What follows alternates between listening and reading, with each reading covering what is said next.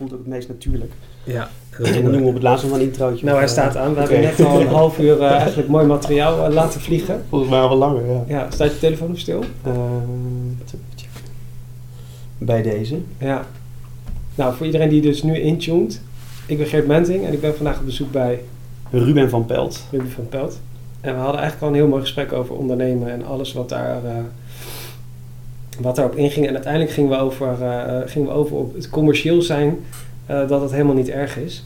Eh, en, en dat het uiteindelijk, eh, dat, eh, dat je zo ook andere bedrijven kan helpen. En toen begon ik te vertellen dat wij dus in het eh, Journalist Academy of Data Science zitten. En daar zit ook social data. Vergeef me, ik ben even de naam van het bedrijf kwijt. En er is een gast en die, doet, eh, die werkte mee aan de Ocean Cleaner. En die had echt als visie van zijn bedrijf, oké, ik wil eigenlijk alleen sociale projecten doen, want het hoeft voor mij niet commercieel. En daar raakte ik met hem over in gesprek en toen zei ik van ja, maar ik ben wel rete commercieel. En ik vind het heel leuk om, eh, eh, om commerciële trajecten te doen. Maar ik kan daardoor, geeft dat mij de mogelijkheid om op andere fronten eigenlijk eh, ook op een goede manier bezig te zijn.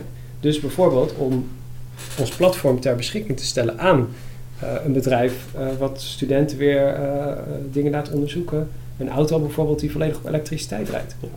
Dan draag je natuurlijk eigenlijk ook heel erg bij aan de duurzaamheid, zonder dat je daar direct. Ja, dat, dat, Ja. Dat, dat je dan gelijk met geitenwolle sokken aan moet lopen om Maar dat- een plaats Dat vind ik altijd ook, hè, dat is, ik denk met als je praat over social impact, dat het eh, fantastisch streven is om zoveel mogelijk eh, duurzaam en, en, en alles wat maar goed is voor de environment en de maatschappij goed te doen. Maar de basis is natuurlijk dat je wel je bedrijf eh, zorgt ervoor dat je dat ook zou kunnen doen. En volgens mij is er nu wel een hele mooie beweging dat mensen zeggen, joh, start nou eens eerst met de gedachte dat als je je bedrijf opzet, kan je dat meteen doen vanuit een visie dat je dat ook eh, sociaal eh, goed wilt doen. Dus dat je daar ook meteen een positieve impact kan maken. Ik denk dat natuurlijk heel veel organisaties zijn die al heel ver zijn. Eh, maar daar dat, dat we net, ook al even van, joh, dat duurzaamheid, ehm, goede doelen steunen. Volgens mij is dat als je een goede intentie hebt, is dat prima om daarmee je bedrijf te ondersteunen. Als je intentie maar inderdaad is dat je daar eh, echt de juiste, dat je, omdat je, dat je het om de juiste redenen doet. Ik denk dat dat altijd wel de belangrijkste vraag is. En daar hadden we het ook over met social media. Weet je, als je op LinkedIn eh, berichten deelt, ja, waarom doe je dat? Nou, Wat is je intentie? Eh, Wil je gezien worden? Wil je inspireren? Eh, wil je bedrijf promoten? Wat is je intentie? En ik denk dat op het moment dat je intentie goed zit, dat je daar je engagement ook op ziet. En je, je, ja, dus dat zie ik dan ook bij jou. Dat op het moment dat jouw berichten heel persoonlijk en heel mooi, eh, dan voel je die intentie er doorheen. En dan spreekt dat aan en denk je, ja, dit vind ik tof. Ja. Zoals iemand die zegt, ehm, ik verkoop wat of ik, eh, dit is mijn bedrijf, dan merk ik al van ja, ja ik, heb, daar zit er niet altijd op te wachten, weet je. Dat is dan ook wel. Maar dat is ook heel lastig. Hè? Wat ik altijd aangeef is, maak het persoonlijk professioneel. Hè? Dan krijg je ook niet eh, het gedoe van dat mensen vinden dat het Facebook is. Ja. Maar aan de andere kant willen mensen eigenlijk wel de echte, echte verhalen horen. Want die, gaan dan, ja, die, die zijn leuk en die raken. Ja. En het is natuurlijk ook een leerproces. Hè? Eh, toen ik eh, lang geleden begon met eh, LinkedIn, deed ik dat zelf ook vanuit de intentie. toen als sales executive. Om natuurlijk meer te gaan verkopen. Ja. En het is eigenlijk een pad die je gaat bewandelen op een gegeven moment. Net als dat we in ons eigen leven ook doen. Door ervaring kom je er dan achter van ja, ik kan dan inderdaad best wel de beslissers opzoeken op social media. Om vervolgens eh, die te gaan eh, stalken. Ja. eh, om iets te willen verkopen. Maar uiteindelijk is de waarde van het netwerk is wat, wat het zo mooi maakt. Hè? Dat platform van LinkedIn eigenlijk. Dus je komt, je komt in connectie. Nou, uiteindelijk zitten wij ook bij elkaar. En het grappige is dat ik jou eigenlijk offline eerder heb ontmoet dan online. Ja, Nou, dat gebeurt me eigenlijk de laatste jaar denk ik niet zo heel vaak. Dat is wel mooi. Maar dat we dan toch weer bij elkaar zijn gekomen door, eh, door het LinkedIn-platform... waar Ja. Haidar van op de bank bij de Ja. bank ons weer bij elkaar heeft gebracht. Exact. En dat is ook weer tof van Haidar, dat hij is degene, voor mensen die het niet kennen, die organiseert eh, elk kwartaal volgens mij nu een eh, event op de bank, bij de bank. En wat zijn kracht ook is, om, eigenlijk zijn hele missie is gewoon om toffe mensen bij elkaar te zetten. Hij Ja. ontmoette gewoon, hij zag zoveel toffe lui en zei, we moeten gewoon bij elkaar in één ruimte. Volgens mij begonnen met 50 man en is het nu 100 en wordt het nou, alleen maar groter en groter. Ehm, en dat is ook wel inspirerend, dat je die, verbinding opzoekt. En ik, ik, zo ervaar ik ook LinkedIn hoor, dat ik mensen... eh, je, je, hebt er heel veel herkenning mee, omdat het een zakelijk platform is waarin je herkent dat mensen vaak in dezelfde fase zitten, ook ondernemend zijn. eh, en dat je daar inspirerende mensen eh, kan connecten. Dat is echt heel, heel gaaf. En ik gebruik het ook heel vaak hoor. Als ik dat dingen zie, dan ik mensen persoonlijk benader. Uh, ja, het is een hele unieke manier om in contact te komen met mensen die normaal wat verder van je afstaan. Precies. En uh, niet direct gewoon. Het is niet direct. Nee. Het is, uh, uiteindelijk gaat het erom dat je die verbinding opzoekt. Niet alleen online, maar dat het uiteindelijk ook naar offline toe gaat. Maar dat hoeft niet direct. Je hoeft niet direct wat voor elkaar te betekenen. Nee. En wij vinden natuurlijk, kijk, via via werkt natuurlijk altijd het beste. En als je iemand kent en iemand leuk vindt, dan ga je daar iets mee doen. Of dat nou een liefdesrelatie is, of een zakenrelatie, of misschien uiteindelijk wel een vriendschappelijke relatie. Er kunnen zoveel mooie dingen ontstaan. Alleen je moet wel ook, uh, dat wel ook ervaren en daarvoor openstaan. Ja. Want op het moment dat, dat, ja, dat je daar nog niet bent of niet bent, dan ga je dat ook niet ervaren. Nee. Maar dat is ook wel leuk, want ik heb altijd, wel altijd de intentie ook gehad dat als mensen, je kent het heel vaak, mensen zeggen, joh, kom ik een kop koffie drinken. Maar dat is ook iets wat ik altijd wel heb geprobeerd. En dat ik altijd denk, um, je weet niet altijd wat het verhaal van iemand is. Dat weet je ook niet online. Je kan iemand zijn profiel bekijken en zijn engagement. Maar uiteindelijk is het als je naast elkaar zit of tegenover elkaar zit en drinkt een bak koffie. We hebben zo ontiegelijk veel situaties meegemaakt met Dobby dat we uh, vanuit ons netwerk met mensen waarin we tien jaar geleden hebben samengewerkt, of mensen van, van via via, dat het zo weer bij elkaar kwam.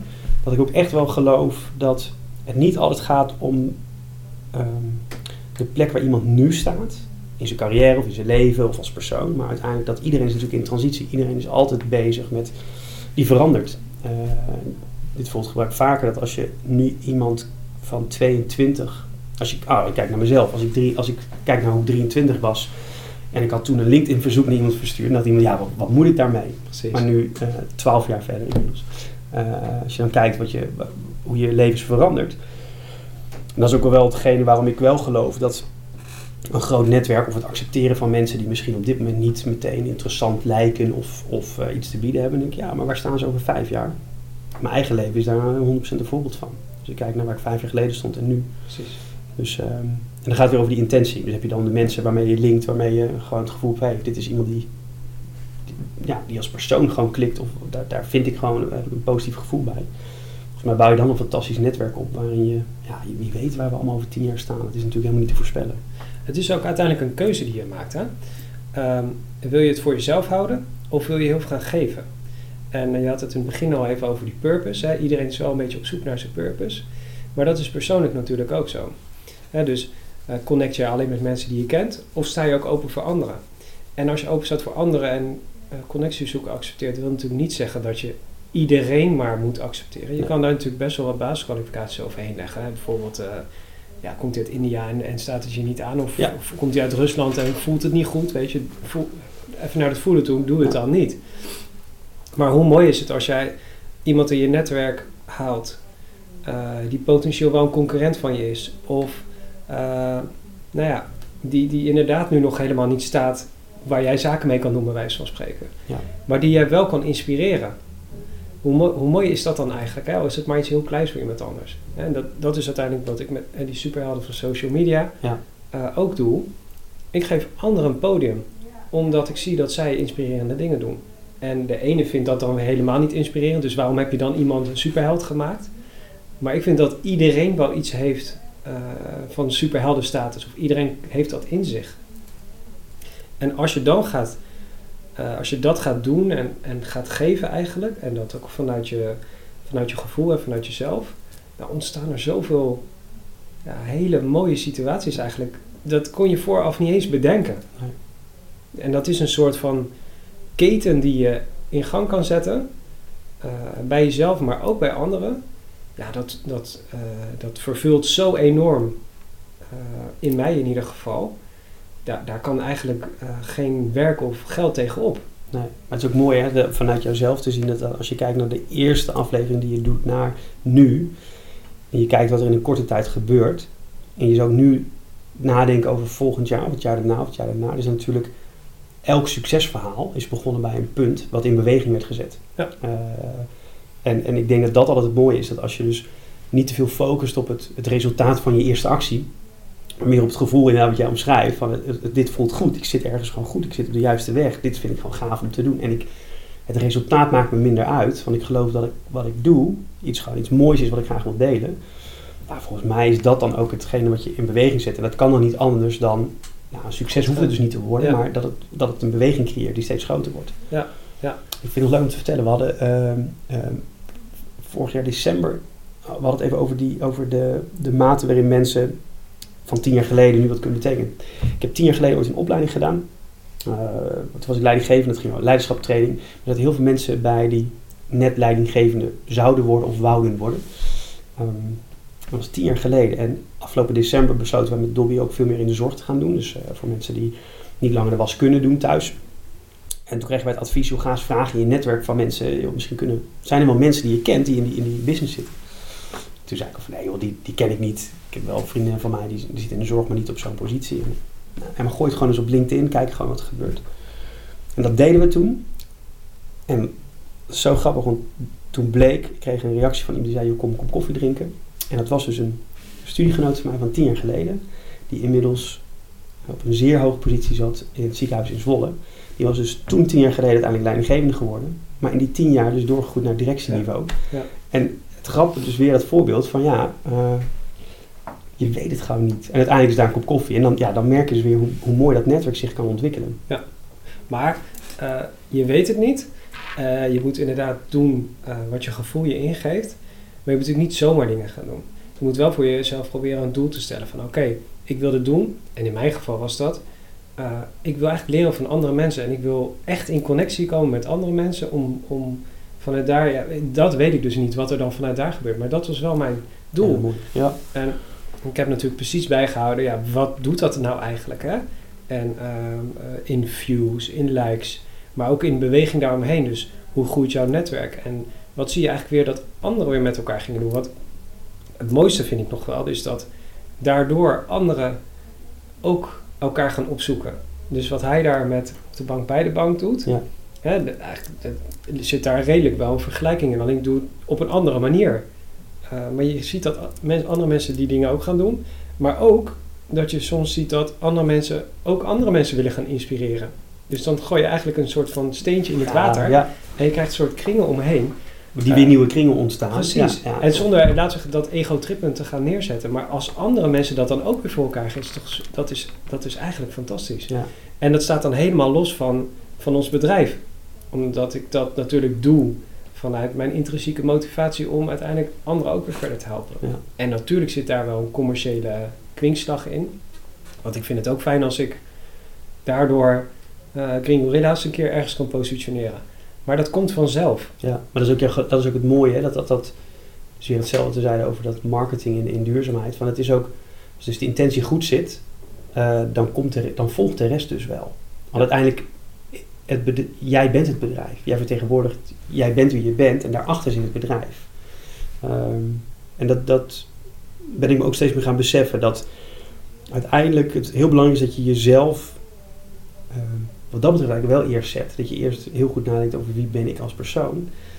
Ehm, want het bedrijf mo- volgt wel. Dat zit eigenlijk achter jou. Je, jij hoeft niet het bedrijf te zijn. Dus, ja, het is een beetje linksom rechtsom. Je bent het bedrijf, Ja. maar ook weer niet. Dus Ja. volgens mij als je als persoon, hoe dichter je bij jezelf komt, hoe effectiever je ook bent. Ik had, ik had dit jaar een, ook een leiderschaptraining gedaan ehm, bij HR Ontwikkelhuis. En daar vroegen ze ook naar afloop. En toen heb ik ook dat zo gezegd van hoe, hoe dieper je zakt naar je innerlijke ik, hoe geloof ik dat je een betere leider ook wordt.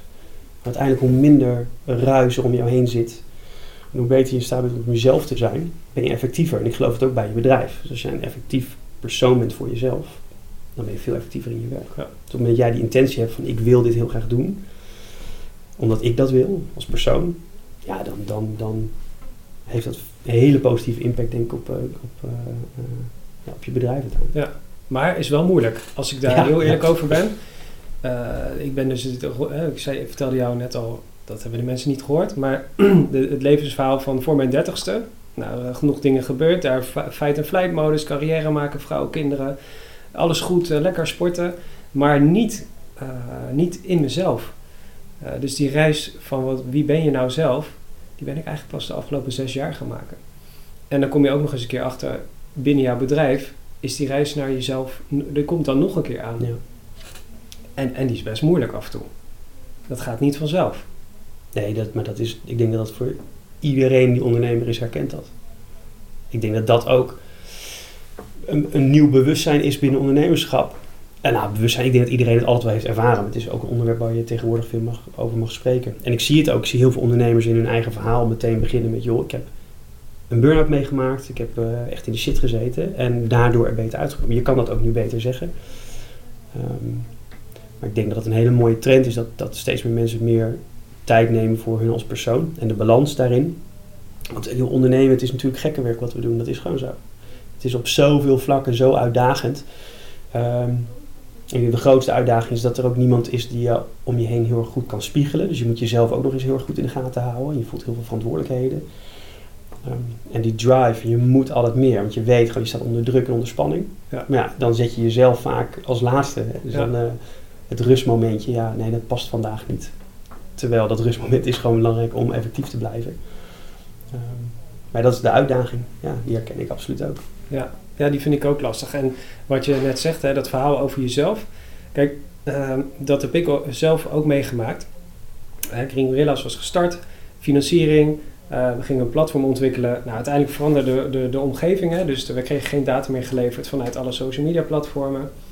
Maar je hebt wel zes maanden geïnvesteerd. In, uh, dat gaat uiteindelijk om, om een flink bedrag. En je bent bijna failliet na zes maanden. En je, je vindt toch nog iets en je gaat door. En uiteindelijk krijg, krijg je meer een stijgende lijn. Maar in het begin is dat, vond ik dat moeilijk om uh, natuurlijk ook naar buiten te brengen. Want ja, als je succesvol bent, dan krijg je ook meer succes eromheen. Ja. Maar kwetsbaarheid, uh, loont eigenlijk nog veel meer, in ieder geval voor jezelf. Alleen om dan daadwerkelijk kwetsbaar te zijn, uh, ondanks dat je dat weet, is best wel spannend. Het is natuurlijk best wel spannend om, uh, om in zo'n periode te zeggen, ja, eigenlijk gaat het helemaal niet zo goed. Ja. En nu is het makkelijk, want nu gaat het oké. Okay. Dus nu kan ik dat verhaal ook veel makkelijker vertellen. En nu doe ik dat ook. En dan zie je ook gewoon dat, dat het verhaal is wat mensen wel leuk vinden. En vaak dat anderen zeggen, heb ik ook meegemaakt. Precies. Dat is, het mooie, hè? dat je zegt, als iedereen zegt het gaat goed, dan zeg jij, ja, maar het gaat ook goed. Ja. Zoals de eerste de persoon die zegt van, Precies. nou joh, het gaat mij wat minder goed, of hebben deze problemen, iemand, ja, die heb ik ook, weet je. Ja. En dat is wel het mooie van die verbinding. Um, volgens mij is het ook als je dus like-minded mensen bij elkaar zet uh, en die kwetsbaarheid mag opzoeken. Maar het is weer wat anders dan dat weer publiekelijk maken. Dus dat, dat is wel weer ja. de volgende stap. Ja. Dan, uh, het kan natuurlijk ook je bedrijf weer schaden. Dus je met, met, met leveranciers zit of met klanten, nou, ja. dan, dan, dan hoort het ook gewoon bij het spel Precies. van joh, nee, het gaat heel goed. Ja. Dus dat is natuurlijk ook zo. Maar daarom is het wel zo leuk. Kijk, wij zitten nu bij elkaar, ondernemers, onderling. En dan maakt het eigenlijk niet uit wat groot is van je onderneming. Um, maar dat is wel heel waardevol. Dus dat soort gesprekken zoek ik wel vaak op. Om op, uh, op die manieren wel, laten we zeggen, die feedback van, van elkaar te krijgen. Want die kan je ook van je werknemers krijgen. Want je werkt natuurlijk samen met ze. Ja. Maar er is altijd een verschil tussen nou, je, uh, jou, jou en je compagnon. En uiteindelijk je werknemers. En spiegeling en feedback. Ja. Ja, ik, we hadden het over. Ik, ik, merk dus dat ik het heel leuk vind. Ik ben dus uh, onlangs verhuisd sinds september. En daarvoor zat ik uh, nou, gemiddeld elke dag minimaal drie uur in de auto. En dat, dat was gewoon een super, super zware fase. En dat, dat, ik wist op een gegeven moment hou ik niet vol. En eigenlijk sinds dat ik verhuisd ben nu naar Hilversum. Ons, we zitten nu ook op het Mediapark in Hilversum. Daar zit ons kantoor. Um, dat ik ook veel meer ben begonnen dus met mediteren. En dat ik... Het is altijd een onderwerp geweest waar ik heel erg geïnteresseerd in was. En altijd wel een beetje op zoek naar... Nou, we hebben het erover gehad, sporten of stil zijn of wandelen. Alles is een vorm van op zoek gaan naar balans. Um, bij mij is het nu echt gewoon meditatie geworden. Um, maar ik merk ook dat op het moment dat je dat bespreekt met anderen, of dat je uh, een coach hebt, een ondernemerscoach of een personal coach, of dat je daarover praat, op het moment dat je dat gesprek aangaat met anderen, dat ik merk dat dat eigenlijk altijd wel eens uh, interesse wekt bij een ander. Van oké, okay, en hoe dan? Oh ja, ik herken het wel, of ik vind het ook lastig. Dus ik, dat, dat is voor mij wel we hadden het net even over onderneming, praten over hoe goed het gaat met je onderneming. Ik vind het eigenlijk altijd veel interessanter om te praten met mensen van, joh, wat doe jij nou om als persoon in balans te blijven? Ja. Um, en dat, dat is ook voor mij een, een, een rode draad in alle podcasts die ik luister. Dat eigenlijk iedereen die een mate van, um, ja, volgens mij is het niet een succes, een mate van een, een type onderneming, in een fase in een onderneming heeft meegemaakt, die zeggen allemaal, mijn succes hangt uiteindelijk af van hoe ik als persoon in balans kan blijven. Ja. Want het is niet te voorspellen of je succesvol wordt. En ondernemen is heel makkelijk als het goed gaat. Weet je? Maar de, de, de echte succes wordt volgens mij bepaald in de momenten dat het tegen zit. Precies. En dan is het niet de kennis die je hebt, dat is niet de trainingen die je hebt gevolgd. Uh, eh, uiteindelijk is dan kan ik de balans vinden in mezelf om rust te bewaren, goede keuzes te maken, eh, voor mezelf te mogen zorgen. En natuurlijk hoort erbij dat je nachten doordraait en, En dat je doorzettingsvermogen. Precies, Ja. en dat je wakker ligt en dat hoort er allemaal bij. Maar ben je in staat om, om toch die balans te behouden als persoon? Ja. En dat is een onderwerp, vind ik, die, die nog steeds eigenlijk wel onderbelicht is. Dat er nog steeds niet heel veel over gesproken wordt. Maar en, de- mijn tip is daarin ook, ook aan de mensen die luisteren, zoek dat echt op. Ehm, want sinds ik dat doe, hè, dus gewoon met ondernemers praat, ondernemers onder elkaar kunnen alles eigenlijk tegen elkaar vertellen. Hè, het blijft vaak gewoon binnen de kamers. En daar leer je zoveel van. Maar ook in verschillende fases. Eh, dus ik heb ook iemand die, eh, die ergens CEO is geweest, zijn eigen bedrijf heeft gehad en nu ergens in de 60 alle, nou, eh, heeft alles op het droge. Ehm, maar die, daar kan je zoveel uithalen uit Ja. die gesprekken. Die hebben alles een keer mee, of alles meegemaakt. Die hebben veel meegemaakt. Veel Ja. wijsheid al. Ja. Ja, precies. Eh, maar ook andersom, ook mensen die net beginnen, daar kan je soms weer iets, iets uit halen wat jij misschien net weer uit het oog bent verloren. Ja. En wanneer is voor jou dan, eh, want ik zat er net terwijl je dat zei, echt aan te denken van, volgens mij hebben we allemaal zo'n moment ge- gehad eh, dat je het eigenlijk niet meer zag zitten. Dat je zo keihard tegen de muur aan bent gelopen of op je bek bent gegaan dat je echt dacht van oké, maar to- en toch weer op bent gestaan. Heb jij echt zo'n moment ervaren? Was dat die verhuizing waar het net over had? Ja, nou, ik, heb, ik, ik heb geluk gehad dat ik uit een gezin kom waarin wij heel makkelijk over onze gevoelens praten. Dus eh, Mhm. vaak bij, bij- juist andersom. Heel veel mensen dat niet. Ja, ik heb het juist wel. Dus ik, Ja. ik praat daar graag over zelfs. Ehm, eh, maar bij mij was het het punt, eh, dat was letterlijk 1 december vorig jaar, dat ik toen al volgens mij anderhalf of twee jaar lang elke keer op en neer aan het reizen was. Vijf dagen in de week, drie uur in de auto. En het ging heel goed met het, met, met het bedrijf, maar het was ook uitdagend. Dus we werden echt wel, eh, nou, het voelt echt soms als topsport. Hè? En dat is hartstikke gaaf, want de, de beloningen zijn ook net zo hoog. Hè? Dus de, successen die je behaalt zijn fantastisch, eh, sky high. Maar de uitdagingen zijn ook groter dan je ooit hebt meegemaakt. En ik merkte gewoon dat ik het niet erg, dat ik wel, het werk ging goed. Dus ik kon mijn, mijn 100% energie kwijt in mijn werk. Alleen het reizen daaromheen was eigenlijk de 10% extra. Dus ik zat eigenlijk elke dag op 110%. Nou, dat hou je een tijdje vol, dat herkent iedereen. Ja. Maar ik merkte dat het op een gegeven moment ehm, de zekerheid van het bedrijf werd duidelijker. Van dit gaat gewoon, we gaan gewoon dit op een lange termijn kunnen houden. Eh, en toen dacht ik, ja, maar dit ga ik niet op een lange termijn persoonlijk volhouden. Dus, en dan ga je nadenken, hoe kan ik het oplossen? Ga ik dan twee dagen in een hotel zitten? Ga ik dit? En uiteindelijk kon ik het gewoon allemaal afstrepen. Nee, dat is niet het leven wat ik wil. Dus dan moet je de keuze maken verhuizen. Maar goed, we hadden een, echt een droomwoning. eh, tenminste, we hadden echt ons huis waarvan ze ja, hier kunnen we gewoon oud worden. En, eh, samen met mijn vriendin. En ja, alles in onze omgeving in, in, eh, in de regio Zwolle, daar zit ook alles voor ons. En dan heb je dat punt wel mentaal dat je denkt, ja, ik weet wat ik moet doen. Maar dat wordt een hele lastige stap. We, We moeten moeten verhuizen. doen. We moeten dus het huis gaan verkopen. We moeten Ja. die stap gaan maken naar het midden van het land. Alles achterlaten. Maar ik wist het wel. Ehm, dus dat heb ik toen ook benoemd. Ja, dan ga je een proces in van nou, accepteren, een manier vinden, nieuwe plekken. Nou, uiteindelijk was de conclusie, we moeten dat doen. En echt, eh, we allebei hoor. Dat is echt fantastisch sinds eh, 1 september verhuisd. En nu zeggen we allebei, je wordt daar zo in beloond. Eigenlijk de moeilijkste beslissing die je persoonlijk neemt. Dus weer als de intentie dus goed is, Ja. eh, dan komt die beloning. En dat is nu voor ons allebei eh, ja, life-changing. Het, het- ik vind dat het grappig als ik mezelf voor zeg, en denk ik wel, is dat niet overdreven, maar het is letterlijk Ja. eh, een, een wereld, een levensverandering. Want je, het is in, in alles wat je doet, in de manier van je ochtendritueel voor je werk, je, je, je, je rust die je kan pakken, het sporten wat je kan doen. En ik weet, hè, ook mensen die luisteren, die denken, ja, ik, eh, niet iedereen heeft die keuze. En ik had dat dus gevoel ook. Ik had het gevoel, ik heb die keuze niet, ik kan het niet veranderen. Iedereen heeft die keuze. Exact. En dat is moeilijk, want de keuze is er. Je weet Ja. wat je moet doen, maar vaak voelt dat nog niet dat je die keuze wil maken. Ja, en het grappige is, in dit soort situaties...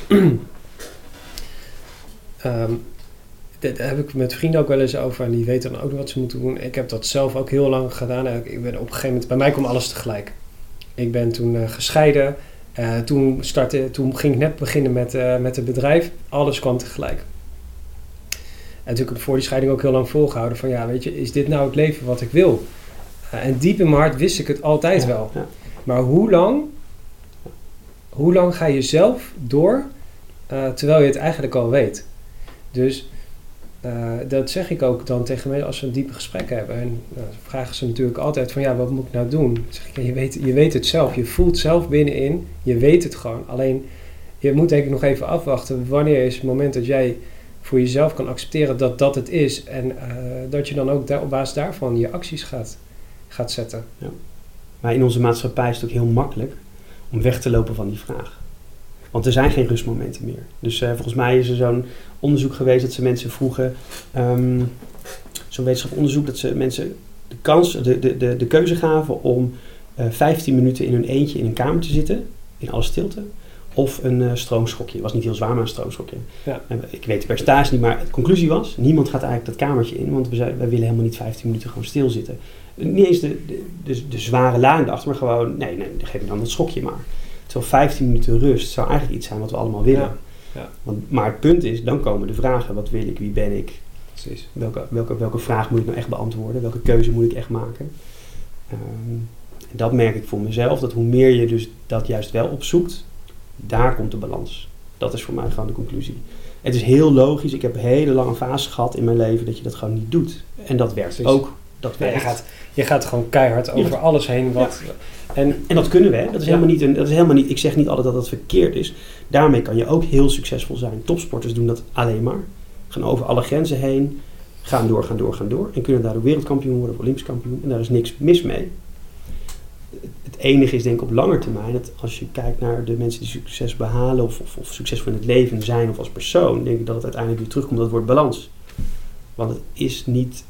Stel je wordt dan niet wereldkampioen. Of je... hè, ja, wat, ik wel, wat ik wel heb, is daarin is... ehm, als ik dan even terugkrijg op, op, de, op de dingen, de keuze die ik dan gemaakt heb. Je bent niet in één keer topsporter of eh, je bent gewoon keihard aan het werk en je komt erachter. Het is ook gewoon de- weg die je bewandelt, is eigenlijk degene wat het ook het mooiste maakt. Dus ehm, de allerklotenste of de kutste momenten, sorry voor het taalgebruik, in mijn leven, die hebben me wel gemaakt. En ja, hoe ik nu ben. En ehm, ik ben ook wel eens niet aardig geweest of een niet leuke persoon in, in een bepaalde fase van mijn leven. Als ik daar nu op terugkijk, kan ik me dat niet voorstellen met hoe ik nu ben. Maar doordat ik dat ben geweest, kan ik nu wel zijn wie ik nu ben. Hm. Het is ook gewoon, eh wij hadden dat daar net ook even over. Van, hoe zorg je nou eigenlijk dan dat je van punt 1 naar punt ander komt? Ja, Hè? En eh, want we willen allemaal graag wel iets zijn. Eh, we willen rijk zijn of willen gelukkig zijn. Of, en er is altijd iets voor nodig om dat te bereiken. En we vinden het vaak heel moeilijk om dat te gaan doen. Hè? Dus het keuzemoment waar we het net over hadden, dat Ja. kan over hele eh, life-changing moments zijn, maar dat kan ook over eh, ja, tastbare dingen zijn. Eh, we maken die stap vaak niet omdat we het heel moeilijk vinden om daar te komen. Terwijl eigenlijk als je gewoon maar gaat beginnen en gewoon maar hè, die 1% elke dag Ja. doet, waar we het al, jij zei toen een trapje. als je maar gewoon elke keer naar het volgende traptredetje gaat, dat geeft al zoveel, eh, ja, zoveel richting dat je ook heen gaat waar je heen wil gaan. En uiteindelijk kom je misschien niet op dat punt uit waar je, eh, wat je van tevoren gedacht had, maar misschien wel op een veel mooier punt. Ja. En dat gaat terug in alles wat we doen in het ondernemen. Nou, we hadden net even over social media, LinkedIn, verbinden. Ehm, heel veel mensen hebben natuurlijk gewoon angst ook om bepaalde dingen te doen. Of dat nou een post maken is of eh, kiezen voor een andere baan. Ook om, om wat anderen van hun vinden. Ja. En als je dan teruggaat naar jezelf, wat jij net ook eh, eh, aangaf. Hè, als je de keuze echt vanuit het binnenste maakt in jezelf. Dan maak je eigenlijk altijd de goede keuze. En dan komen die stappen die daarna, die komen ook. En wat ik nu zeg, dat had ik tien jaar geleden nooit gezegd. Ja, maar dat is, dat is, ik zat er net in over na te denken, als je het dan zegt ook van, maar de- in de fases dat ik dat dus, dat dat mij niet gelukt is, is het ook omdat je niet weet wat dan de eerste stap is. En daar ligt vaak de, wat moet ik doen? Hoe begin ik? Want het voelt, bijvoorbeeld om, eh, eh, voor het van, van meditatie, dan is het niet dat je weet dat één keer niet voldoende is, en dan voelt het al als je begint, dan moet je dus dat bijvoorbeeld elke dag doen. Maar dat is het dus helemaal niet. Maar zo voelt het vaak wel. Dus een klein, een klein stapje in een situatie dat eigenlijk dat je, dat je een keuze moet maken, voelt een klein stapje niet voldoende. Het voelt alsof je de eindoplossing al, al moet hebben. Ehm, dus bijvoorbeeld beginnen met, eh, met jouw social heroes. Eh, als je daarmee start, voelt het bijna zo van dat is iets wat ik moet starten en dat moet dan ergens naartoe leiden. Maar dat, dat hoeft dus helemaal niet. Je mag gewoon starten. Eh, ik luisterde laatst een podcast, het ging dan ook over sporten. Van hoe moeilijk mensen het vinden om te, te gaan sporten. En deze man zei, het enige wat je hoeft te doen is de eerste stap. Dat is je sportkleding aandoen. Dus als je dat doet, nou, ik weet niet of ik ga sporten vanavond, ik ga wel mijn sportkleding aandoen. Nou, reken maar dat je wel gaat sporten, weet je. Maar die eerste stap zorgt er dan al voor. Dus En dat is denk ik de moeilijkheid.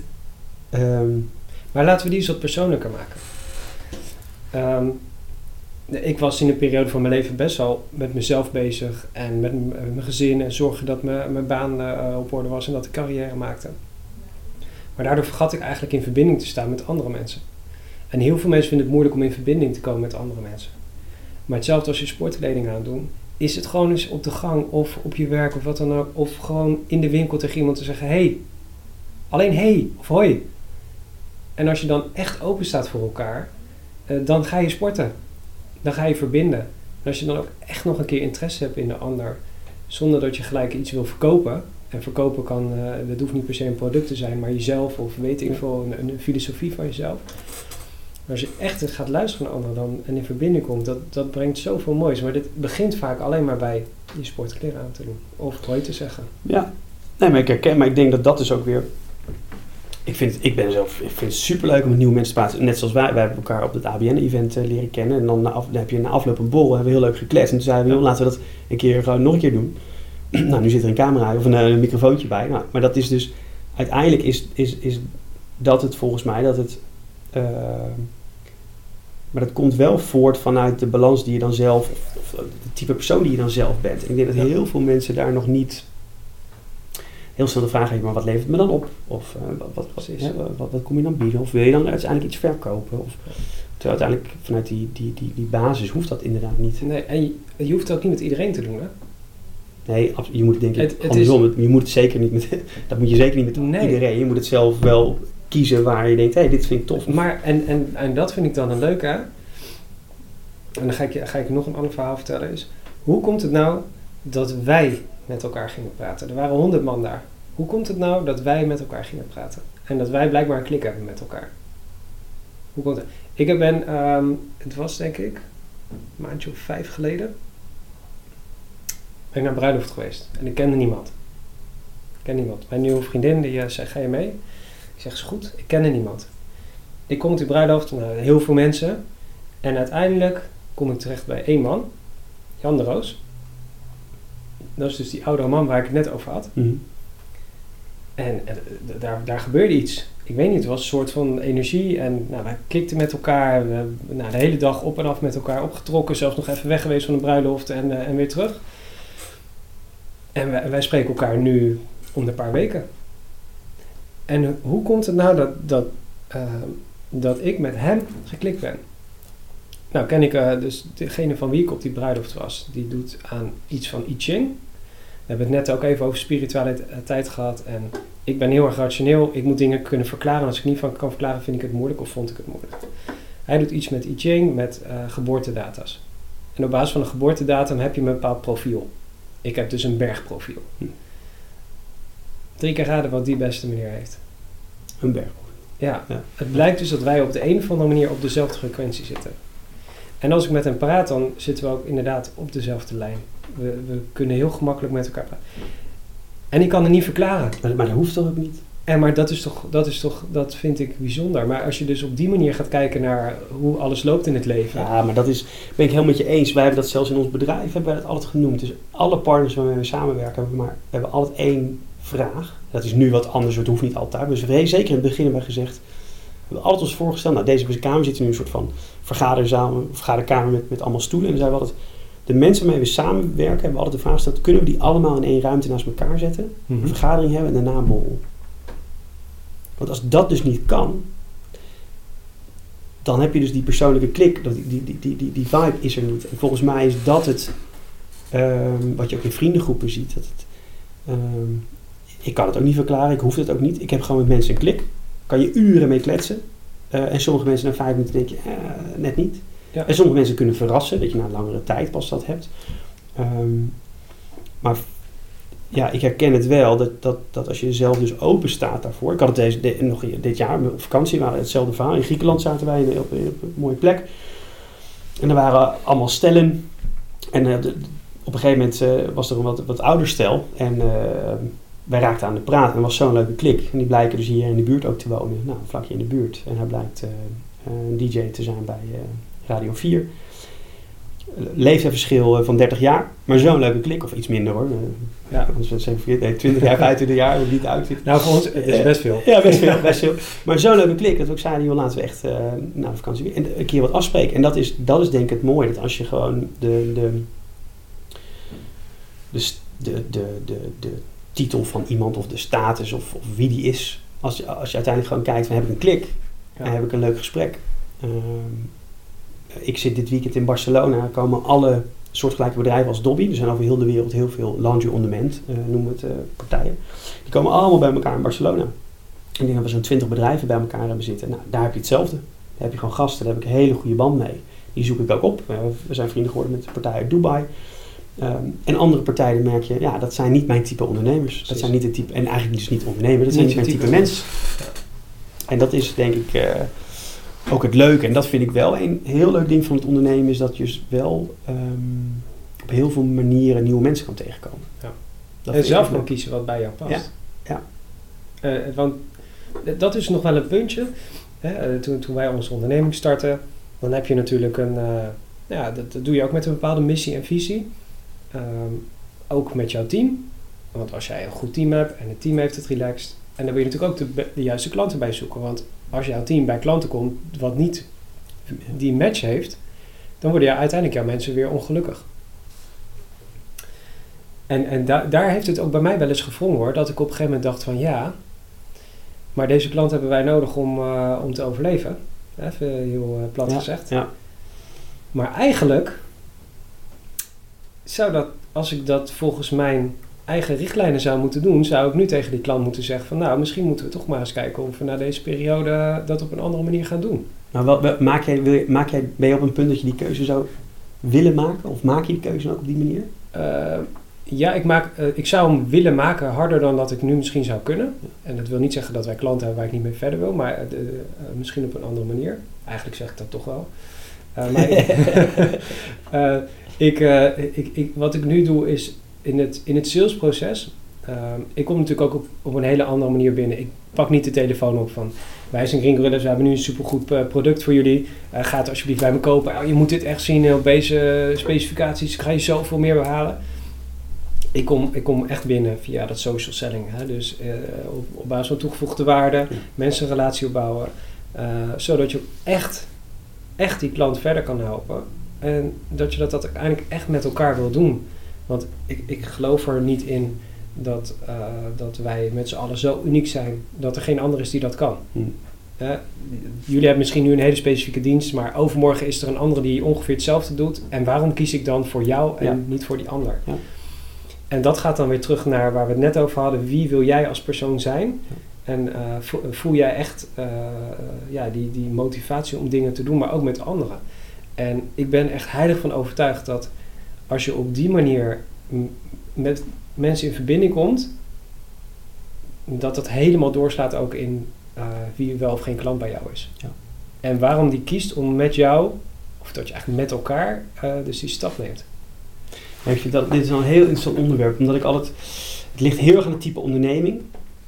Ehm, ik heb een tijd, ik heb zes jaar in Amerika gewoond, waarvan vier jaar in een, eh, in een, in een band gespeeld. Toen had ik ook nog lang haar en krullen tot aan mijn schouders. Ja, toen had, ik, toen had ik nog haar, ja. Goed te zeggen. En ja. Normaal zitten we dus, eh, zetten we er altijd een video bij, Ja. maar dit was zo'n leuk gesprek dat ik gelijk eh, de microfoon heb Ik aangezet. heb eh, weinig haar nog over. ja, we zitten hier eigenlijk met dezelfde koep. Het enige is, ik heb een, eh een goed baardje, iets, maar dat is een wel- bij mij is iets minder. eh, ja, goed houdt niks bij. Ja. Nee, maar ik heb dus, ik- dus in die tijd ermee had ik dus nog lang haar. Had ik ook een baardje zelfs. Vreselijk.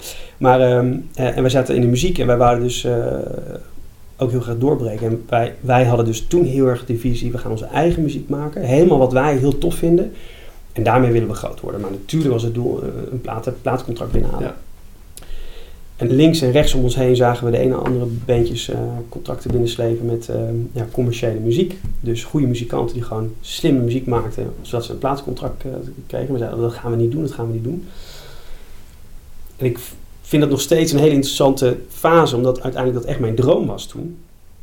Omdat wij zo vasthielden aan onze visie, dat we ook geen covers wouden spelen en eh, nou, heel principieel. Ik zeg niet dat we daardoor het niet hebben gered, maar uiteindelijk is het ons niet gered. Of hebben we het niet gered. Ehm, de vraag die ik eens heb gest- gesteld, wij hadden in staat kunnen zijn om een heel goed album te maken, die we goed konden verkopen. En als je dat punt bereikt, kan je daarna, als je kijkt naar alle bands, die Ja. la- later krijg je meer vrijheid. En dat is met een onderneming denk ik ook wel eens. Ja. Dus ehm, het is natuurlijk fantastisch als je in een positie kan komen dat je echt, echt kan kiezen. En ik heb heel veel respect hoor, absoluut voor, voor, voor ondernemingen die dat echt vanuit een visie echt zo zeggen. van, Nee, ik, ik, ik start, desnoods eh, dan maar geen loon of dan, eh, dan maar uh, rooicijfers. Ik wil dat gewoon zo doen. Maar ik denk dat het ook niet verkeerd is dat je mag zeggen, ik ga een hele gezonde onderneming bouwen. En dat mijn langetermijnvisie is dat ik uiteindelijk daarin, in mijn succes, steeds dichterbij kom naar de visie die ik gewoon heb. En dan later kan ik zeggen, joh, en nu bepaal ik gewoon 100%, dit doe ik wel, dit doe ik niet. Maar ik vraag me dan af, waarom die dingen die kan je verenigen met elkaar? Zeker, zeker. Ja, dus- dat, ja, Eh, en natuurlijk, je, hebt, al- je kan niet alle bedrijven over kam scheren. De, de ene is inderdaad de muziek, de andere verkoopt producten. En dat moet je op een bepaalde manier doen. Als ik dat dan even terug ga naar mijn reis als ondernemer. Eh, natuurlijk moeten wij onze klanten helpen met marketing, social media, strategie. Ehm, en natuurlijk moet ik daar keihard voor werken voor, voor een groot deel van mijn tijd. Maar doordat ik ondernemer ben, kan ik wel ruimte voor mezelf klein, eh, vrijmaken. Voor bijvoorbeeld die superhelden van social media interviews die ik doe. Omdat ik daar als, enerzijds als persoon heel veel uithaal, maar anderzijds ook heel veel eh, terug kan geven naar die mensen, mezelf, maar ook om de, de kring daar weer omheen. Had ik niet kunnen doen als ik in loondienst was. Want dan had ik mezelf. Eh, kijk, ik, ik verdien daar niks mee natuurlijk. Helemaal niks. Dus het kost mij gewoon geld. Maar ik zie dat als investering in mezelf. En vanuit daar komen natuurlijk ook weer commerciële kansen. Want je netwerk vergroten, je komt bij elkaar, je, je gaat elkaar helpen. Maar dat is uiteindelijk niet. ehm, dat is niet het doel op zich. Maar dat komt er wel bij. Ja. Dus als jullie het in, in die tijd, laten we zeggen. Ja, eh, van de nadelen waar je dan op, ko- op gekozen hebt, dat misschien wel had gedaan. Dan had het misschien er Zeker. anders uitgezien. En dat is natuurlijk altijd achteraf. Hè? Dus je leert, Ja. ik, ik heb alleen wel vaker gedacht van, met de kennis van nu had ik het dan anders gedaan. Aan de andere kant zeg ik altijd, ik heb vier jaar lang tijd van mijn leven gehad. En eh, de mooiste fase, denk ik, eh, van mijn leven, of tenminste de persoon die ik ben, heeft heel veel te maken met die fase. Ja. Eh, ik had toen ook helemaal niks. Ik had, ik had geen inkomen, ik had 0 euro. Ik sliep op een luchtbedje drie jaar lang. eh, maar men was met mijn passie bezig. En ook geleerd dat dat uiteindelijk dus het belangrijkste is. Dat je daar met zoveel energie Ja. op kan, eh, kan leven. Gezonde, met gezonde jaloezie luister ik daarnaar. Nou, welk, welk stuk? Dat je dat gedaan hebt. Zo, gewoon drie, ja. vier jaar weg, gewoon dingen doen. Ja, ja het was ook... ja, ik, ik kan daar zelf... Ik zeg altijd, het is, een, het, is een, het is een soort boek wat in de kast staat. Dus ik heb dat een, gewoon een heel mooi hoofdstuk. Ehm, het, is, het is vier jaar die gewoon eh, zo, zo mooi zijn geweest. Ehm, ja, ja en, eh, maar achteraf ook, dat, weet je, dat, zo gaat je leven soms ook. Dat heb je niet, dat overkomt je ook. Het is niet dat ik dat heel bewust doe, dat ben ik ook een beetje ingerold. En, eh, dat is ook een heel, nou, volgende podcast van eh, nog een keer een uur. Maar eh, nee, maar het is wel, het is een hele mooie fase. Ik, ik zeg ook altijd wel tegen mensen dat, dat als je die kansen krijgt om los te komen van waar je, wat je doet, of dat, dat is wel echt een mooie, eh, weet je, als ik nu zie hoeveel jongeren allemaal gaan reizen, dan denk ik ook echt, Fantastisch. echt hoor, geen, geen opleiding kan er tegenaan. Maar, en dat is ook een mentaliteit mindset. Hè? Want, nou, ik, ik, wat ik al zei, mijn vader heeft op mijn elfde jaar een ongeluk gehad. Eh kreeg daardoor hersenletsel. Was er nog wel, maar was niet echt meer een vaderfiguur in mijn leven. Nou, daardoor heb ik keihard moeten vechten. En ik ben uiteindelijk ook om mijn 14 naar het huis gegaan. Altijd moeten werken om maar mijn, eh, ja, mijn leven op orde te houden eigenlijk. En daardoor eh, niet de kans kunnen pakken om bijvoorbeeld dit te doen. Hè? Want ik moest gewoon heel jong volwassen zijn. Maar ik heb wel altijd de mindset gehad van oké, wat zie ik om me heen gebeuren? Wat, wat vind ik daarvan? En wat wil ik doen? En steeds als ik dacht, ja, dit lijkt me leuk om te doen, heb ik het gewoon gedaan. Ehm, bijvoorbeeld, ik heb een, eh, een e-commerce onderneming gehad met een speciaalzaak erbij. Ja. Weet je, ieder- iedereen om me heen zegt, hoe, waarom? Hoe, weet je, ik werkte gewoon ergens en ging- dat maar gewoon doen. Ja. Hè, de- de- de- Ik kan nog wel van dat soort dingen opnoemen. Maar het, het is gewoon die mentaliteit, die mindset van die, eigenlijk die nieuwsgierigheid naar dingen die je gewoon moet oppakken waar heel veel anderen niet die keuze durven te maken. En wat, wat ik nu heel erg fijn vind, is dat ik op een klein vlak, hè, dus met die superhelden van social media, probeer ik anderen eigenlijk eh, via anderen, anderen te inspireren om gewoon zelf zichtbaar te zijn. Maar dat gaat eigenlijk verder dan alleen maar een post op social media. Dat gaat eigenlijk helemaal terug naar van wie ben jij dan nou eigenlijk? En durf nou gewoon zelf gewoon te laten zien, want jij bent gaaf als mens. Maar wij als mensen vinden het altijd heel erg lastig om, om naar buiten te treden over onszelf, omdat we zo bang zijn wat anderen van ons vinden. En eigenlijk is dat wat ik weg wil halen daarmee. Ja, ja dat is mooi. En ik vind het ook heel tof dat je daarmee bezig bent. Het is ook, eh, we hadden het in het begin nog over, eh, zeg maar, wat is de worst case, hè? Dat, je, dat, dat, dat uiteindelijk in heel veel, jij zei het ook met, dat, met het starten van, een, van, een, van, van e-commerce of eh, volgens mij durven iets doen, heeft veel te maken of je de worst case kan accepteren. En ik denk dat dat ook het stukje is wat persoonlijke kwetsbaarheid, van de, de, angst is veel, de angst is veel groter dan de realiteit. Ja. Want hoe erg kan het zijn dat je laat zien wie je bent? Wat is de worst case dat er dan is? Ja, dat mensen dus zien wie je bent. Ja. Maar de angst daaromheen is dus heel groot. En dat is eigenlijk, dat zien we natuurlijk in heel veel andere onderdelen van het leven. Of En ik herken hem hoor. Want ik, ik- we praten nu over alsof het heel makkelijk is om jezelf eh, te zijn. maar dat is natuurlijk Nee, ook niet zo. dat is Absoluut eh, elke dag weer gevecht. Ja, ja, ja. Elke dag weer. En zelfs als je, eh, we hadden het net ook over bewustwording. Als je dan bewust bent van het feit dat je dingen niet onder controle hebt of dat er nog iets anders is dan we met ons hoofd kunnen bedenken. Dat we dus rust moeten nemen voor onszelf omdat dat ons verder gaat helpen. Yo, elke dag stap ik nog in die valkuil om dan toch de dingen te doen die je eigenlijk niet goed voor je zijn. Ja. En eh, die keuzes die, die wij maken hè, als ondernemers, en heel veel zullen dat ook hebben, en misschien een aantal niet die nu luisteren. Dat wil niet zeggen dat het makkelijk is. Man, ik heb wel eens achteraf gedacht, waar ben ik in godsnaam aan begonnen bij sommige dingen. Ja. Maar als ik dan terugkijk naar wat ik ervan geleerd heb, denk ik van ja, wauw, wat heeft me dit eigenlijk gebracht? Ja. Ja. Ja, nogmaals, dit is het leuk om erover te, over, te, over te hebben. Ik denk dat er heel veel... Ik heb het ook zo vaak in andere podcasts gehoord. Het is gewoon iets wat heel herkenbaar is. Ik denk, ehm, conclusie voor mezelf is dat je praat, praat erover. Er is ook zoveel online beschikbaar aan documentatie. En dat je begin, beg- begin gewoon een keer ergens mee. Zoek, bepaal voor jezelf wat die eerste treden is waar je, eh, waar je op kan. Wat is het eerste wat je klein kan doen om, om voor jezelf het gevoel te hebben: ik ga een stap gewoon in een bepaalde richting zetten. Ehm, ja, ik denk dat dat heel mooi is. Ah, en leuk is dat, dat het steeds meer een onderwerp is waar over gesproken wordt. Ja, want vanuit mijn thuissituatie werd eigenlijk nooit echt over gevoel gepraat. Ik ben natuurlijk ook vrij vroeg weggegaan, maar het was vroeger altijd van ja, weet je, hey, kom op, doorgaan. En eh, als je ja, huilen mag wel even, maar gewoon daarna gewoon wel weer lekker doorgaan. Sterk zijn. Ja, gewoon Ja. sterk zijn. En dat heb je, is iets wat je natuurlijk, je, je beschermingsmechanisme, wat je op een gegeven moment aanneemt. En dat voor waarheid, eh, dan kom je er keihard tegen die muur aan gelopen van ja, dat is helemaal niet zo. Nee. En dat gaat je helemaal niet verder brengen. Dat gaat je niet verder brengen. En, en, en ondanks dat je dan zo bewust bent, heb ik de laatste tijd wel weer zoiets van: oké, weet je, ik doe al die leuke dingen.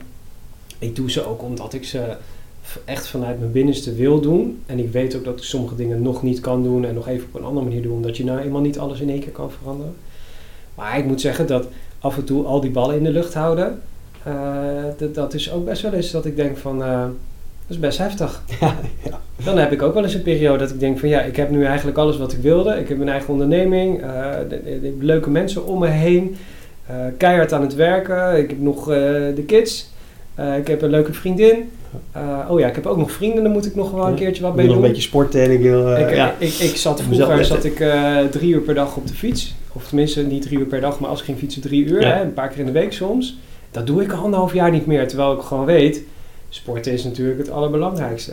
Maar hoe hou je in godsnaam al die ballen altijd in de lucht? Ja. Dat is wel iets waar ik op dit moment zelf eh, ja, toch wel eh, af en toe zoiets heb van... eh, Het mooie is dat jij nu de vraag stelt. En dat, daar hadden we het, oh, als je, je stelt nu de vraag. ja, Maar het antwoord is er dus eigenlijk al. ja, ik weet het antwoord. en dat is het. En dat is wel volgens mij... maar, wat- en dan?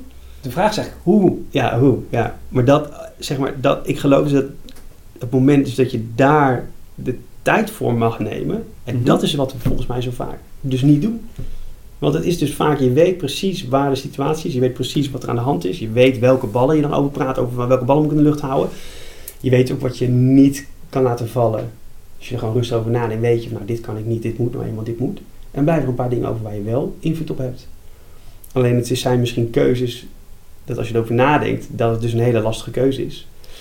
En dan denken we, weet je wat, ik ben prima in staat om dit nog even vol te houden. En gaan we door.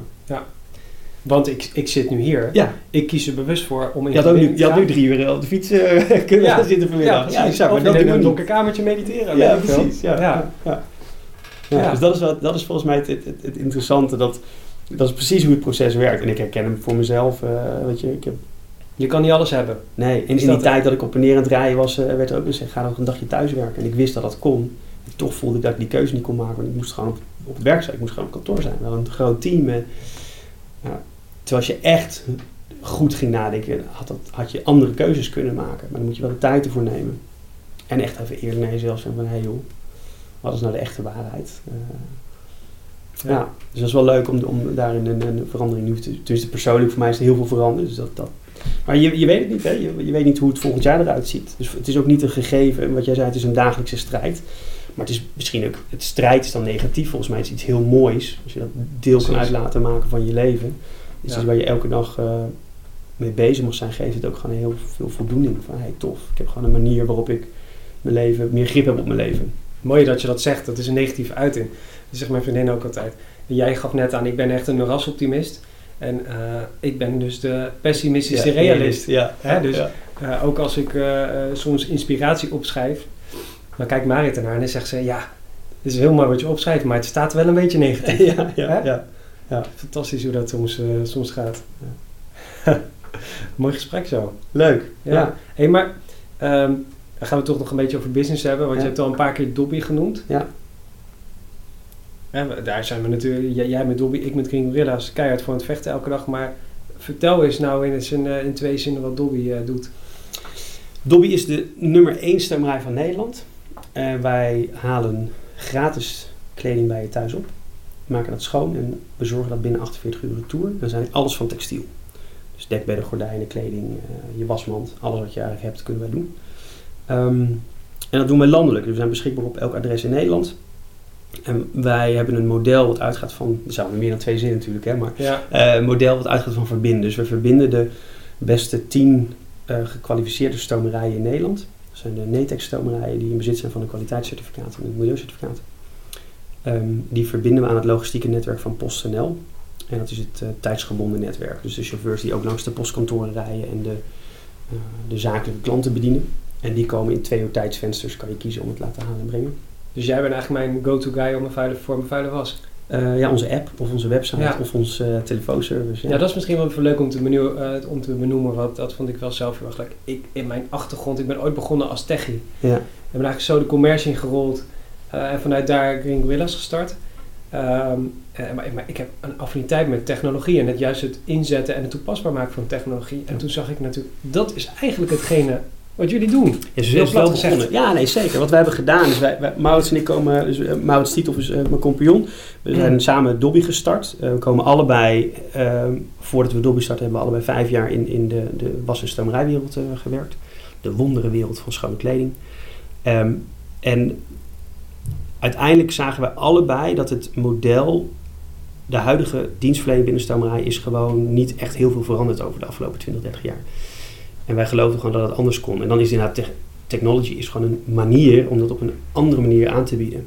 Maar wij hebben altijd wel gezegd, we zijn niet een app, we zijn ook geen online service, we zijn een dienstverlener. Wij, wij, wij, onze core business is schone kleding. Ja. Want uiteindelijk is het heel tof dat we het halen en brengen en heel tof dat je dat via een app kan doen. Maar de core business is gewoon reiniging. Ja. En dat moet gewoon perfect zijn. Nou, snel is ook weer de vraag. Moet het binnen 24 uur? Moet het binnen dat 48 uur? we nu wel Ja, binnen 48 uur. Ja, dat vind ik best snel. Ja, dat is best snel. Dus 48 ja. uur is best snel. Maar wereldwijd zijn er ook partijen die kiezen voor 24 uur. Omdat ze dat vanuit marketing en, en, en, en, en uh, unique selling points heel belangrijk vinden. Alleen wij zeggen gewoon dat wil je de goede kwaliteit leveren, dan als dat dus je, je, echt je, je core business is, dan is 24 uur niet verstandig. Het ja. kan. Ja. In sommige gevallen kan het, maar niet in alle gevallen. Um, dus dat is een beetje het business. En wat heel leuk is dat we echt zijn begonnen dus echt als een, als een technology, dus echt met een app en heel mobile, friendly en, en heel erg een hip jong merk. En uh, we lanceerden vorig jaar in mei en toen, volgens mij in juni of juli, ik weet niet meer wat het was, toen was er heel, in, op één dag kregen we twee keer een telefoontje, twee keer van een 80 plusser. Ja. Uh, kan ik het hier ook? Uh, nou, nee, die zei, volgens mij, meneer De Vries, even voor de grap, meneer De Vries. En die belde letterlijk en zei, joh, ik heb net een, een, uh, mijn was bestelling geplaatst via de telefoon. Maar ik wou even bellen of het is gelukt. Ja, nou, dat zijn Nederlanders. En Rempel, hij had gewoon de app gedownload ja. en echt een orde geplaatst. En we weten, er zijn heel, ouderen worden heel erg afgeschreven, dat kan niet. Maar Tuurlijk. er zijn enorm veel ja. ouderen die enorm tech-savvy zijn. Als, ze, als ze erop zitten, zitten ze erop. En ook met kinderen en, en, en, kleinkinderen die enorm veel helpen. Maar toen dachten we van wauw. Um, en die man omschreef ook heel mooi dat uh, hij dus niet meer zelf de was kon doen. En dat zijn dochter dat heel lang heeft gedaan. Maar die moest elke dag op en neer rijden, of elke week Die heeft gezegd van, pap, over. die zei van pap, kun je Ja. het niet gewoon eh, zo doen? Maar toen merkten we, dat ging eigenlijk daarna in een razend tempo, dat we dus steeds meer ouderen kregen die belden en die zeiden, ja, ik heb geen mobiel, of ik heb, ik heb dat niet. En toen zeiden we, joh, en dat is ook de manier waarop we ondernemen. De behoefte van de klant is dus blijkbaar ook om telefonisch in orde te kunnen plaatsen. Nou, oudere markt vinden we heel belangrijk, we willen er voor iedereen zijn. Dus hebben we een telefoonservice aangeboden. Dus we hebben Tuurlijk. gewoon, je kan gewoon Ja. telefonisch bij ons in orde bestellen, klaar, ja, prima. Terwijl het is een heel ander model is. We hebben heel veel mensen die zeggen, Hé, hoe dan? Want je bent toch heel erg online? We zeggen, nee, we hebben een core business. Dat gaat om het beschikbaar maken van professionele reiniging. Ja. En dat doen we via de tools die we nu aanbieden. Ja. Maar Van Nou, klant tot van klant. klant tot klant. Maar zo zijn we dus eh, door een heel traject gegaan. Dus van online, eh, heel veel in de zorg doen we. Maar uiteindelijk dus nu ook de transitie naar ehm, een van de oudste modellen is natuurlijk de supermarkt. Dus gewoon dat je bij de supermarkt je kleding kan inleveren als een servicepunt. En we hebben net... eh, Maar mag ik eh, Ja. even los van de commerciële, het commerciële praatje. Hoe kom je dan, want dat vind ik nou wel leuk hè, want wat ik eigenlijk hoor is, we hebben iets bedacht Ja. en dat, dat gaan we in de markt zetten. En we hebben natuurlijk precies dit ook meegemaakt. En je komt onderweg achter dat, dat, dat je toch beter misschien een paar zijstapjes kan maken. ja, maar... Wa- Want, en, en daar gaat het bij veel mis, dat we gewoon met oogkleppen op door blijven gaan. Ja, maar hebben wij ook wel een beetje gedaan hoor. Ik bedoel, in bepaalde vlakken doe je dat wel. Alleen Mhm. ik denk dat wij... Wij hebben een zinnetje wat we vaak gebruiken. is warm, warm, koud, koud. En dat is dat Ja. spelletje waar je, wat je vroeger speelde als je voor een kind een cadeautje verstopt. En dan steeds de, stuur je de kamer in. Dan hoe dichterbij ze komen, roep je warm en koud. Je kent het wel. Ja. En wij zeggen, dat is ondernemen. Meer Ja, is het niet. Want je weet niet waar het succes zit. Het lijkt er soms op. Je komt soms heel dichtbij. Maar dan loop je er zo langs. Ja. Want je, succes, de, de, het succes is niet te grijpen. Eh, niet in onze business tenminste. Tenminste, tot nu toe kunnen wij het echt nog niet bevatten van exact nou waar het zit. Het enige is dat als je in één week meerdere mensen hebt die bellen en met een bepaalde vraag komen, blijkbaar zit je dan daar dus warm. Maar je weet het niet zeker. Of dat Maar het dan- gaat zijn. Exact, dus dan gaan we daarin verder. Ze hebben dus wel interessant een pilot gedaan bij de SPAR. eh, om te kijken of we offline servicepunten, of dat ging werken. Nou, we hebben een pilot gedaan van drie, vier maanden. Op alle locaties is de omzet gestegen, werd de dienstverlening beter ervaren. En we hebben ook een hele mooie propositie. En toen zeiden we, ja, wacht eens even. Ehm, we kunnen waarschijnlijk binnen nu en een jaar, als we ambitie hebben, kunnen we honderden servicepunten gaan openen. En blijkbaar is daar een behoefte. Ja, fantastisch. Want het online draait door. Dus wij zoeken heel erg altijd naar, dat, dat proberen we wel. We zijn niet begrensd in een bepaalde visie van, oh, het moet zo zijn. Je Als zoekt het- eigenlijk, als ik het hoor, je zoekt gewoon de verbinding op. Absoluut. We gaan weer helemaal terug naar het begin van het gesprek. Offline, online, eh, het maakt ons niet heel veel uit. Je, je moet wel vasthouden aan de visie. Ja. En we gaan niet alles zomaar doen. Eh, maar we hebben in het begin ook heel veel natuurlijk op allerlei gebieden van marketing, van alles en nog wat geprobeerd. Eh, echt heel veel. En ehm, heel veel goede dingen, maar ook heel veel niet. Eh, onze conclusie was uiteindelijk ook, ja, het, het gras gaat niet harder groeien als je eraan trekt. Nee. Want dat was onze conclusie. We probeerden, probeerden, probeerden, maar we, we kregen niet de tractie die we echt nodig hadden. Ja, dan kan je doorgaan. Weet je? Van ja, maar misschien morgen, misschien morgen, misschien morgen. Op een gegeven moment moet je ook gewoon zeggen, nee joh, we gaan het gewoon anders Dit doen. is het gewoon Dit is het gewoon, punt. Ja. En nu, afgelopen maand, ja, we- ik vertelde het, eh, het gaat, we groeien heel hard op dit moment. Ja, en dat is op een hele andere manier. En volgens mij is dat dus ook het manier van ondernemen, is dat je heel erg agile moet zijn. En ook dan komt het weer terug, kan je de rust vinden om continu in al die hectiek en in, het, in de, de hoogste versnelling eh, toch nog de goede keuzes te maken. En gezond boerenverstand. Ja, absoluut. Ja, eh, Cut the crap. Ja eh, maar het is soms heel, vaak de- ligt het gewoon op straat, hè. het ligt gewoon eh, voor je Ja. neus. Ja. Maar je zit soms zo in die, in die modus van gaan. Ja. Want dat is wel, ik heb, weet je, is ook ondernemen. Het is wel eh, heel anders dan het werk wat je ooit daarvoor hebt gedaan. Dat zal iedereen herkennen als ondernemer. Het is op zo'n ander Precies. intensiteitsniveau. Ehm, nee, maar dat is, dat, is, nou, dat is wat we met Dobby doen. Leuk. En dat gaat, dat gaat lekker. Ja. Dat gaat om te horen. Ja. Inspirerend. Inspirerend gesprek. ja, hetzelfde. Eh, leuk om eh, zo heen en weer eh, dingen uit te delen. Hebben we nog wat om over te liegen? Of, Oh, anders, te gaan we zo, gaan- anders gaan we gewoon een beetje afronden. Ja, voor mij wat hebben we alles wel gezegd. Maar sowieso leuk om, om het zo een keer te doen. Ik denk ook voor jezelf super gaaf. De- ik bedoel, dit is jouw concept, dit is jouw platform. Heel tof om daar deel uit te van mogen te maken. En ik denk eh, dat het gewoon klopt, intentie in de. Ik denk dus dat dit, eh, dit heeft wel toekomst. Ja, maar dit is de eerste volledige alleen podcast. Ja. Want normaal heb ik een podcast erbij en een korte video. Ja. Die hebben we overgeslagen. Eh, ik denk, we gaan gewoon eens kijken wat dit gaat doen. Ja. Volgens mij is het ook wel leuk om, om, om, meer ondernemers te gaan doen. Dat is gelijk een ideetje wat bij mij omhoog kwam. Ja, ja, warm, warm. Hè? Interessante gesprekken om, om misschien daarnaast, misschien een andere serie. Ja. Ja, nou dat hebben we dan vandaag bedacht. Tof. Dankjewel. Eh, Leuk. Dankjewel Ruben. Dankjewel.